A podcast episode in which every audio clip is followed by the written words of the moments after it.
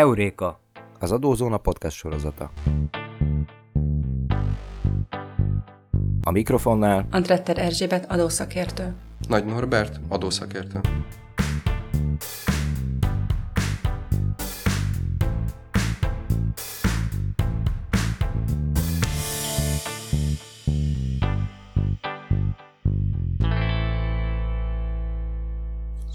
Szeretettel köszöntöm a hallgatókat. Mai témánk a közösségen belüli ügyleteknek a dokumentálási kötelezettsége lesz.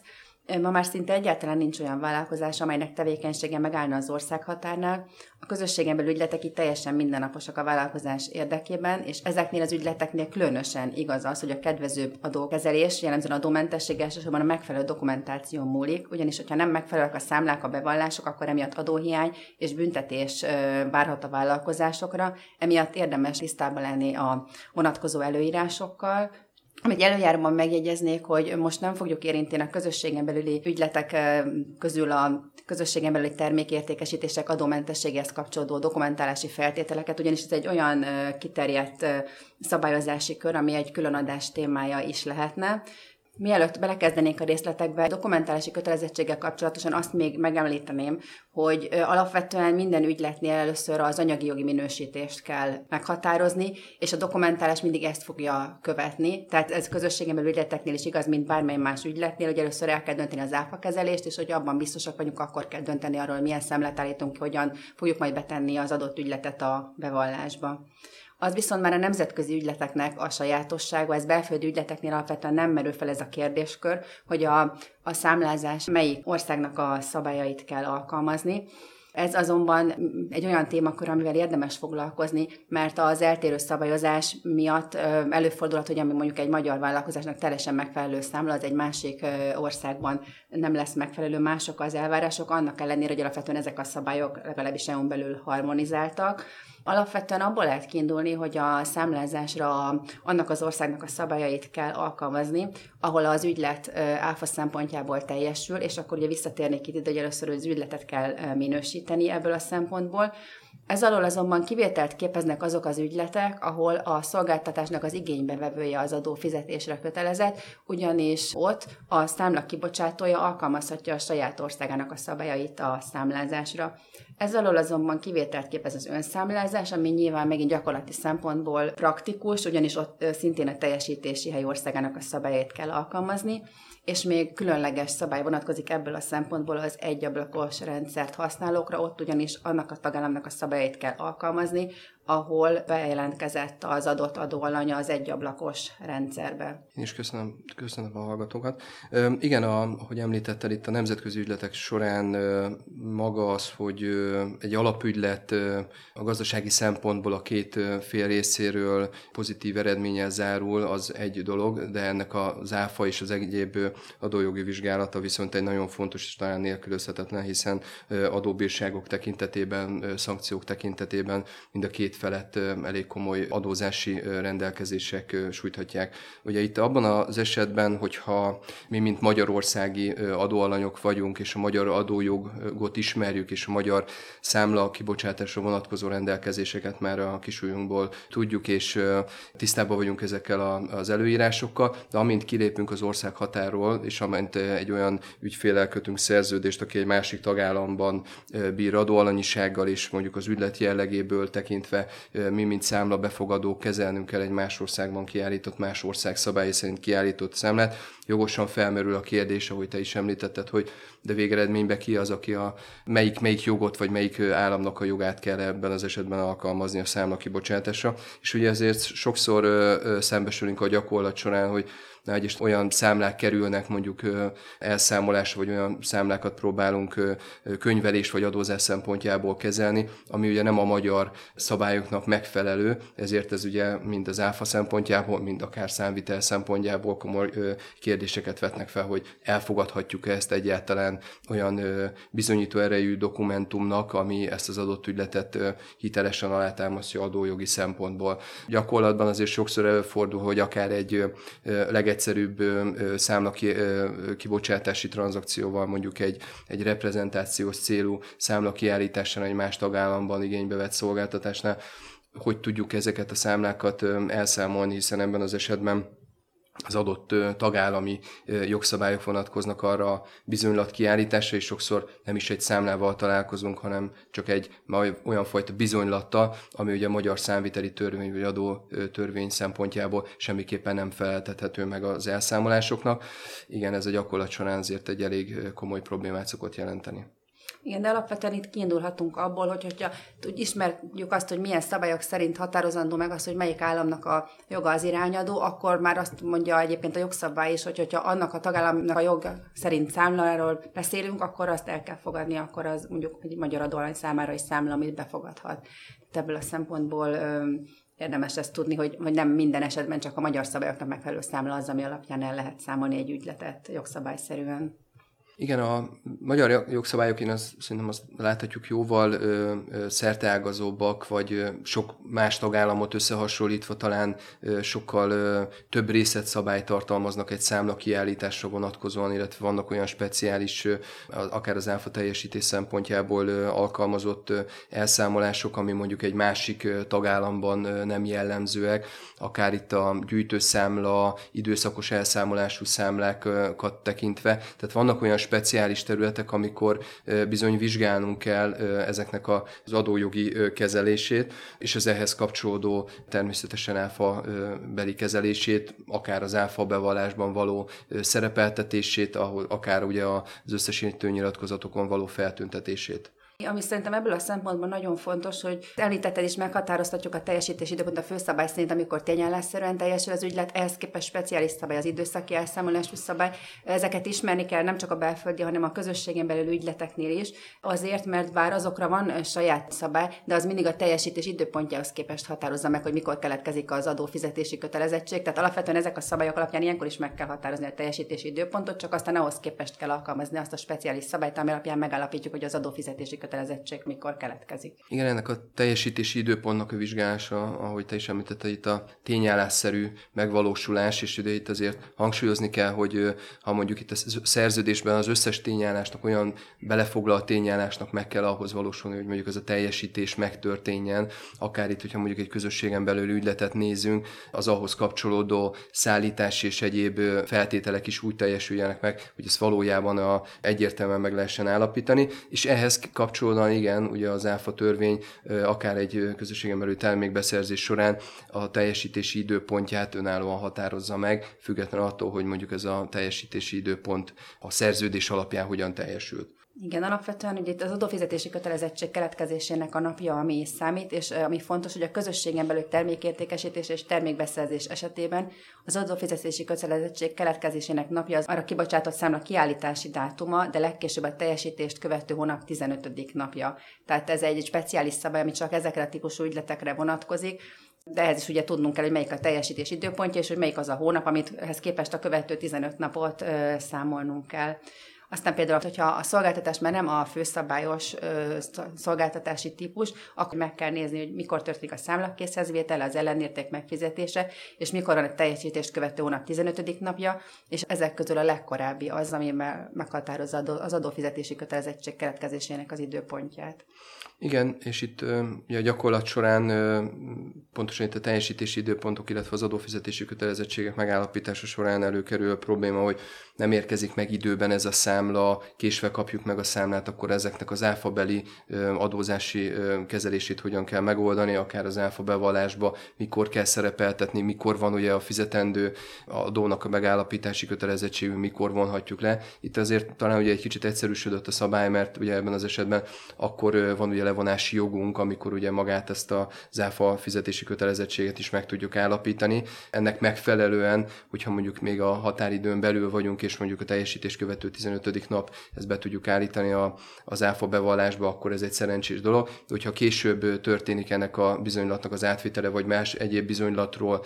dokumentumról megállapítható az áfa fizetési kötelezettség, akkor ez alapján ugye már az áfa levonási jogunkkal is tudunk élni, és gyakorlatilag ugyanazon áfa időszakban, vagy ugyanazon áfa bevallási időszakban el tudjuk számolni ezt, mint fizetendő, mint levonható tétel, természetesen amennyiben a levonási jogosultságunk ehhez kapcsolódóan fennáll. Én ehhez kapcsolatban megjegyezném azt is, hogy ezeknél az ügyleteknél alapelv az, hogy ö, ugyanabban az időszakban van a fizetendő és a levonható adó, és ez nem csak az alapügylet elszámolásánál van így, hanem a számlakorrekciók esetében is. Tehát Ezeknél az ügyleteknél is alapvetően ugyanazok a szabályok alapján kell meghatározni, hogy egy számlakorrekciót mikor, melyik bevallási időszakban kell szerepeltetni, de amikor a szolgáltatás igénybevevője, ki köteles a fizetendő adó megállapítására is, akkor meg kell nézni, hogy mikor keletkezik a fizetendő adóhoz kapcsolódóan az a kötelezettség, hogy melyik bevallási időszakban szerepeltetjük az adott ügyletet, és ugyanebbe kell a levonható adót is szerepeltetni. Igen, itt még, hogyha szolgáltatásokról beszélünk, ugye ezt mindenképpen bár ugye említettük, hogy nem Ebben a beszélgetésben most nem fogjuk a teljesítés helyét vizsgálni, hiszen az egy, az egy talán önálló beszélgetés, vagy jó sok beszélgetésnek a témáját is adhatná, de ugye ezért mindenképpen a, a, az ÁFA törvény alapján ugye meg kell tudnunk határozni, hogy egyáltalán ez a teljesítési hely mond-e valamilyen speciális szabályt arra az adott szolgáltatás igénybevételére vonatkozóan, vagy akár egy, egy főszabály szerint tudjuk kezelni ezt az ügyletet, és ahhoz kapcsolódóan ugye itt az adófizetési kötelezettséget, illetve az ehhez kapcsolódó bevallási kötelezettséget tudjuk megállapítani.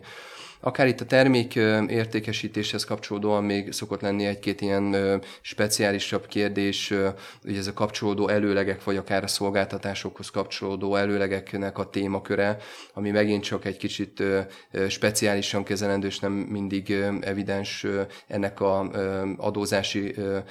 leképzése, illetve az adóbevallási leképzése. Úgyhogy, hogyha egy termék értékesítéshez alapvetően kapcsolódó előregről beszélünk, akkor itt ugye ez nem keletkeztet egy adófizetési kötelezettséget, ennek megfelelően ehhez kapcsolódóan ugye sem áfa bevallási, sem A60-as összesítő bevallási nyilatkozati kötelezettségünk nincs. Ellenben, hogyha ez egy szolgáltatás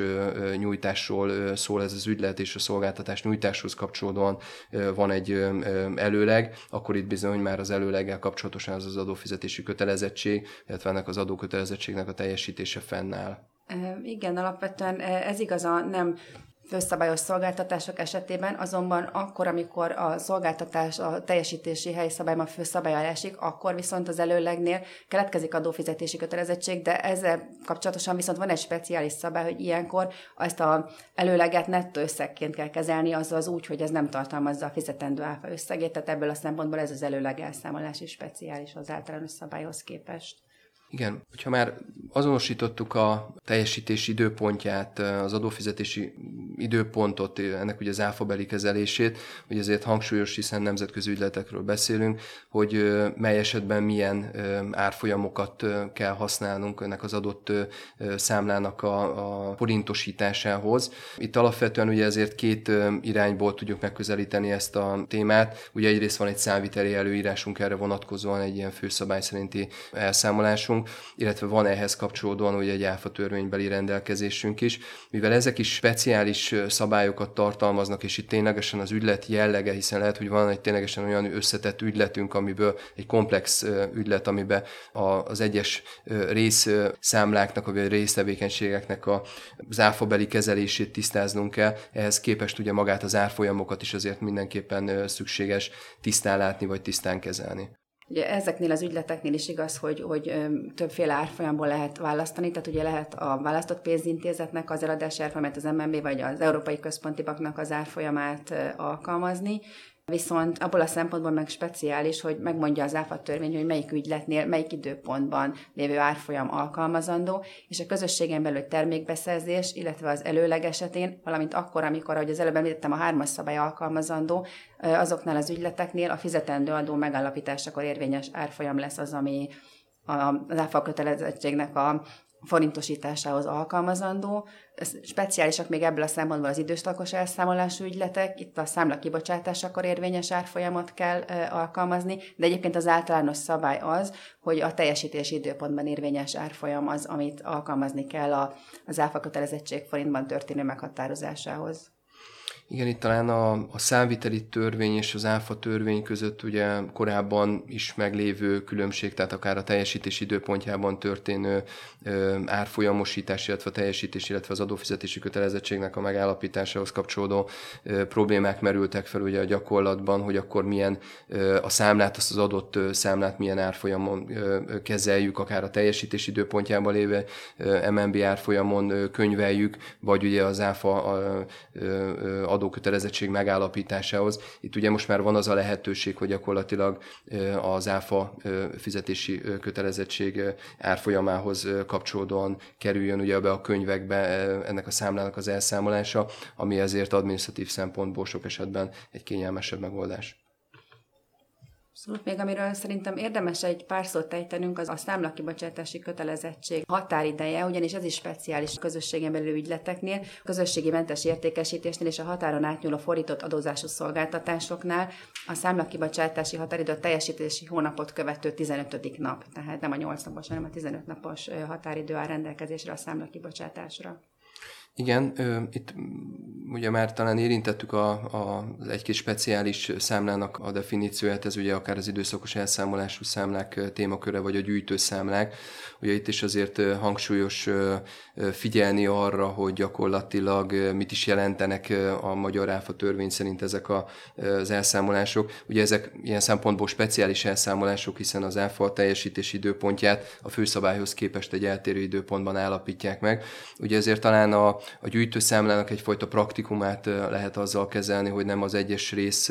nem kell az egyes rész értékesítésekről külön-külön kiállítani egy számlát, tehát alapvetően egy, egy könnyebbség a számla kibocsátó oldaláról, hogy nem kell minden egyes kis rész értékesítésről számláznia, viszont magának ugye a gyűjtő számlának ilyen szempontból éppen emiatt nincs egy önálló teljesítési időpontja, tehát az abban szereplő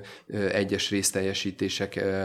ugyanúgy teljesítési időpontnak számítanak. Időszakos elszámolás pedig ugye, ahogy már említettük, egy elég speciális és meglehetősen néha bonyolult, így a mindennapok kezelésében akár egy, egy béleti jogviszonynál, akár egy belföldi ügyletet tekintünk is, természetesen természetesen egy nemzetközi ügyletnél meg még nehezebb, de ugye ezt tisztáztuk, hogy ezeknek a, a, az árfolyam kezelése azért relatíve egy egyszerűbb, hiszen itt ugye egy számla kiállításhoz keletkezteti azt a,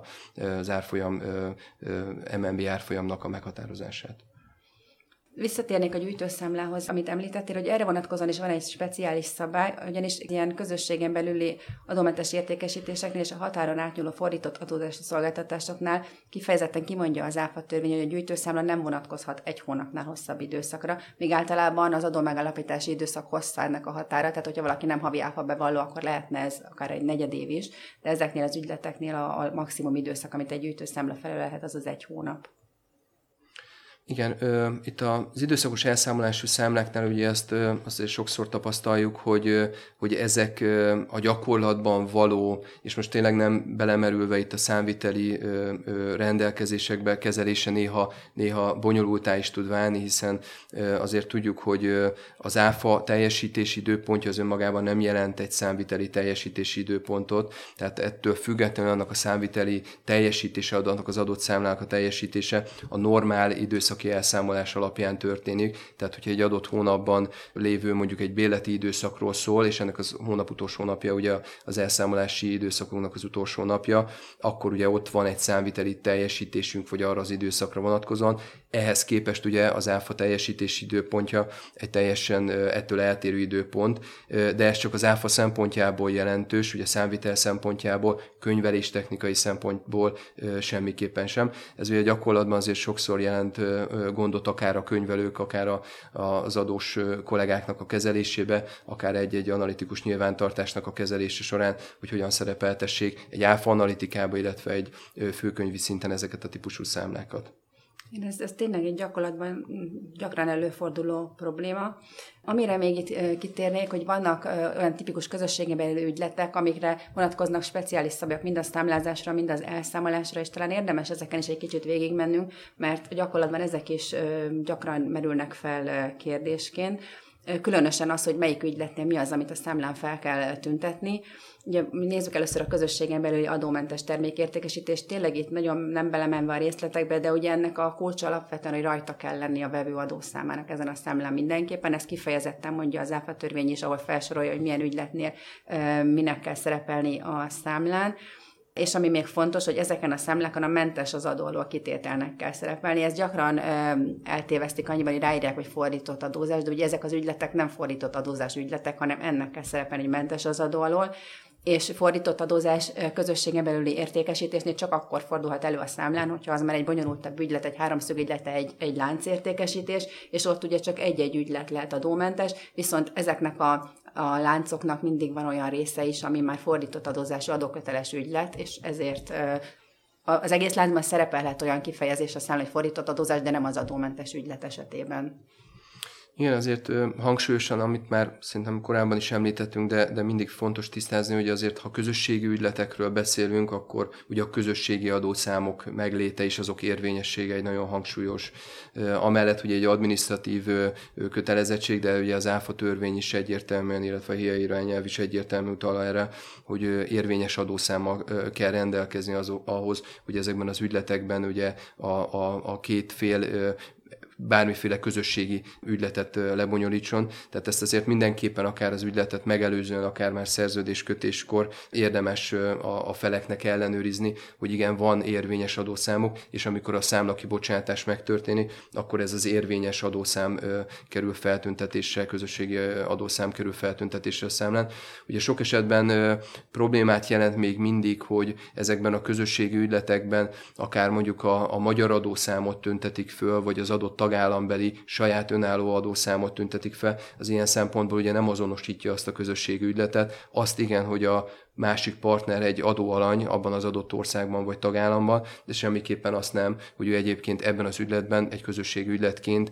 részt vehet, vagy részt tud venni, hiszen az az administratív feltétel nem teljesül, hogy esetleg közösségi adószáma nincs. Így van, és emellett még az is nagyon fontos, amikor befogadunk egy ilyen számlát, hogy nem csak azt kell megnézni, hogy van-e érvényes adószáma a, a partnernek, hanem érdemes azért annak is utána járni, hogy lehet-e neki a mi tagállamunkban bármilyen adott teljesítéssel érintett telephelye, mert hogyha valami erre utal, akkor előfordulhat, hogy nem állíthatnak ki közösségi ügyletről számlát. Tehát itt, itt alapvetően érdemes utána járni, hogy, hogy valamilyen formában ő jelen van-e az országban, és hogy a körülményekből nem következik-e az, hogy esetleg az az adott országbeli, akár letelepedettsége érintett az ügylettel, és nem számlázhatná az ügyletet a közösségen belül ügyletként, hanem belföldi ügyletként kellene számlázni. Tehát itt ebből a szempontból is nagyon körültekintően kell eljárni, amikor ilyen ügyletekről beszélünk. Igen, itt talán a magyarországi adózóknak annyi előnye van, hogy ugye az adóhatóság oldaláról ugye ezek az adatbázisokból lekérdezhetőek akár az adott partnerhez kapcsolódó telephelyek, és ugye egy sokszor akár mondjuk egy építkezés során egy, egy külföldi cég magyarországi, akár egy áfa regisztráció során megkapott adószámával kapcsolatosan van-e telephelyi jelenlét, ebben az esetben azért mindenképpen tisztázni kell, hogy ez a telephely közvetlenül kapcsolódik-e ez az ügylethez. Sok esetben azért a gyakorlatban kérjük, hogy nyilatkoztassuk ezt a felet, hogy, hogy nem vesz részt, tehát hogy, hogy ez a telephely és ez az adószám abban az adott ügyletben semmiképpen nem vehet részt, hiszen ez egy későbbi adó problémát adó ellenőrzés során azért komoly problémát jelenthet. Még amiről szerintem érdemes lenne beszélnünk, mert gyakran fordul elő, hogy hogyan kell elszámolni egy háromszögügyletet vagy egy, egy láncügyletet, ugye administratív szempontból nézve. Ugye a háromszögügylet az az az ügylet, amikor három közösségi adóalany van, az értékesítés ABC felek között történik, és az áru az első értékesítőtől az utolsó vevőig történik, tehát praktikusan ától megy cégig, és ezekre az ügyletekre vonatkozik egy úgynevezett háromszög egyszerűsítési szabály, ami, hogyha alkalmazható, akkor azt tudjuk vele elérni, hogy B-nek nem kell bejelentkeznie C tagállamában, hanem C tudja, mint vevő, az adókötelezettséget rendezni. Ebben az esetben, tehát gyakorlatilag úgy néz ki az ügylet, hogy A és B között egy normál közösségen belüli mentes értékesítés történik. Ezt teljesen ugyanúgy kell mint számlázni, mint bevallani, mint, mint bármelyik másik közösségen belüli termékértékesítést. Aki érdekes lesz ebből a szempontból, az a B, mint közbenső vevő, Ugye az ügyletnek feltétele, hogy hozzá nem kerül az áru, ő A országban nincsen bejelentkezve, C tagállamban nincsen gazdasági letelepedettsége, hogy ezek a feltételek fennállnak, akkor ő ugye egy adómentes értékesítésről kap számlát A-tól, viszont az ő számlázása B felé már nem, le, vagy C felé már nem lehet adómentes, hanem gyakorlatilag itt, hogy a teljesülnek a feltételek, akkor az történik, hogy a C fogja teljesíteni helyette az adókötelezettséget. Ez a számla tehát egy fordított adózású, de adóköteles ügyletről kiállított számla, tehát ezen a számlán nem helyes feltüntetni azt, hogy adómentes értékesítés, hanem fordított adózást kell szerepeltetni, és ezzel együtt fontos, hogy Bének megfelelően kell kitölteni az áfa bevallását is. Jelölnie kell, hogy ő egy ilyen ügyletben közvetítő, mert hogyha ezt nem teszi meg, akkor a saját tagállamában keletkezik adófizetési kötelezettsége, mégpedig levonási jog nélkül, és ezt csak akkor tudja rendezni, hogyha vagy ő megfizeti az áfát, vagy pedig igazolja, hogy a C egyébként ezt a saját tagállamban megfizette ezt az áfát. Tehát gyakorlatilag ez egy viszonylag egyértelmű szituáció, ezt az úgynevezett feszetügyben mondta ki az Európai Bíróság, hogy ebben az esetben így kezelendő az ügylet. Tehát itt a, a dokumentációnak, a megfelelő bevallásnak ilyen nagy jelentősége van, hogy akár plusz áfa kötelezettséget is eredményezhet, hogyha ez nem megfelelően van kitöltve. Illetve még szintén fontos, ez egy viszonylag friss ítéletből, a Luxury Trust Automobil GmbH esetéből derül ki, hogy annak is nagy jelentősége van, hogy ez a fordított adózás rákerüljön a számlára, ugyanis, hogyha nem, akkor gyakorlatilag nem kezelhető az szerint az ügylet, ahogy a korábbiakban elmondtam. Sőt, még azt is kimondta a bíróság, hogy ez a fordított adózás kitétel később már nem írható rá a számlára, tehát hogy eredetileg nem volt rajta, akkor nem kezelhető az, az elmondottak szerint az ügylet. És akkor még egy szereplőnk maradt, ami kevésbé érdekes ebből a szempontból C, aki meg gyakorlatilag ő fogja teljesíteni vevőként a kötelezettséget az ügylettel kapcsolatosan a saját tagállamában, tehát ő ennek megfelelően közösségen belül termékbeszerzést fog bevallani, és ennek megfelelő összesítő nyilatkozatot fog ö, kitölteni. Tehát gyakorlatilag ezt az ügyletet így kell kezelni áfa szempontból, és ahogy említettem, hogyha nem megfelelő az elszámolás, akkor az bizony áfa hiány eredményezhet, tehát erre nagyon érdemes odafigyelni. Igen, mint, mint ahogy te is említetted, önmagában ugye a háromszög ügylet egy egyszerűsítés ezeknek a, az ügyleteknek a leképzésére, de nagyon sok olyan feltételt támaszt, amit ha bármelyik fél nem tud megteremteni, vagy bármelyik dokumentáció nem úgy tartalmaz, akkor bizony ez az ügylet ebben a szempontból nem fog, nem fog megállni így, vagy adózási szempontból. Itt ugye sokszor a gyakorlatban is azért felmerül, hogy két ugyanazon tagállambeli adózó próbál meg egyfajta háromszög ügyletben,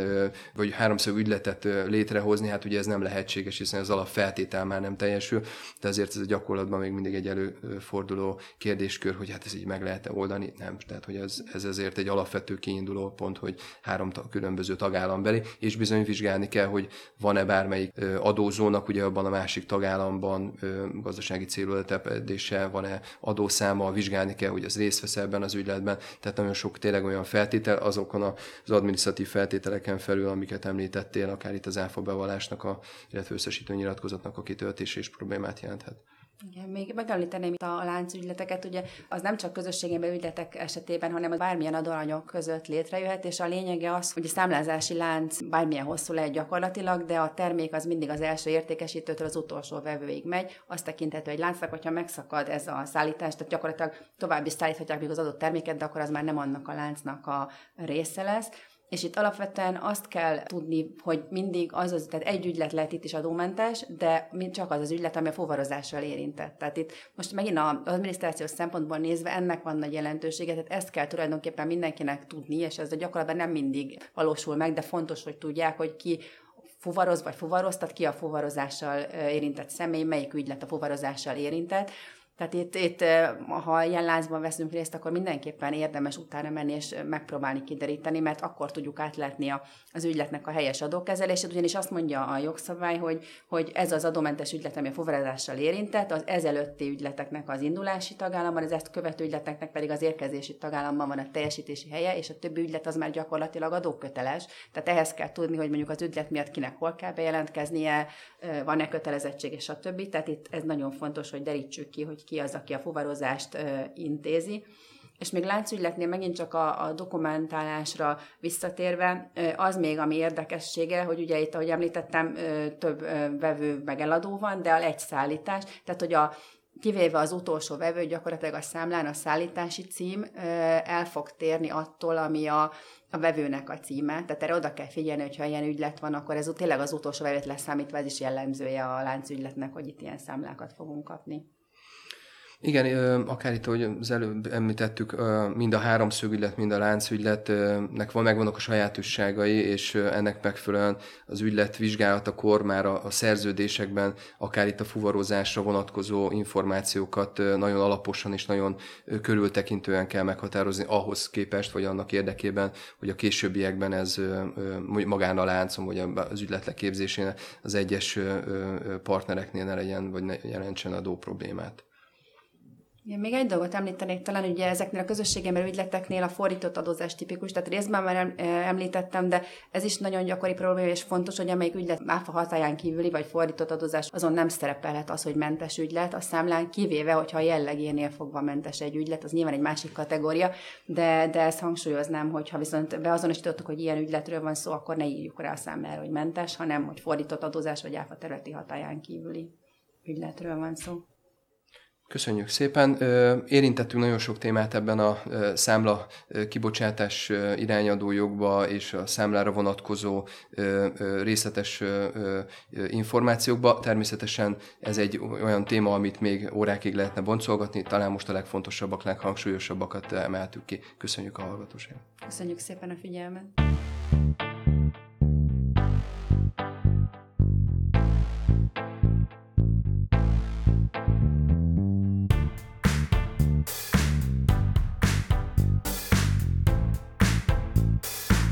Adózási, számviteli, munka és cégjogi témákban tájékozódjon az adózóna.hu weboldalon.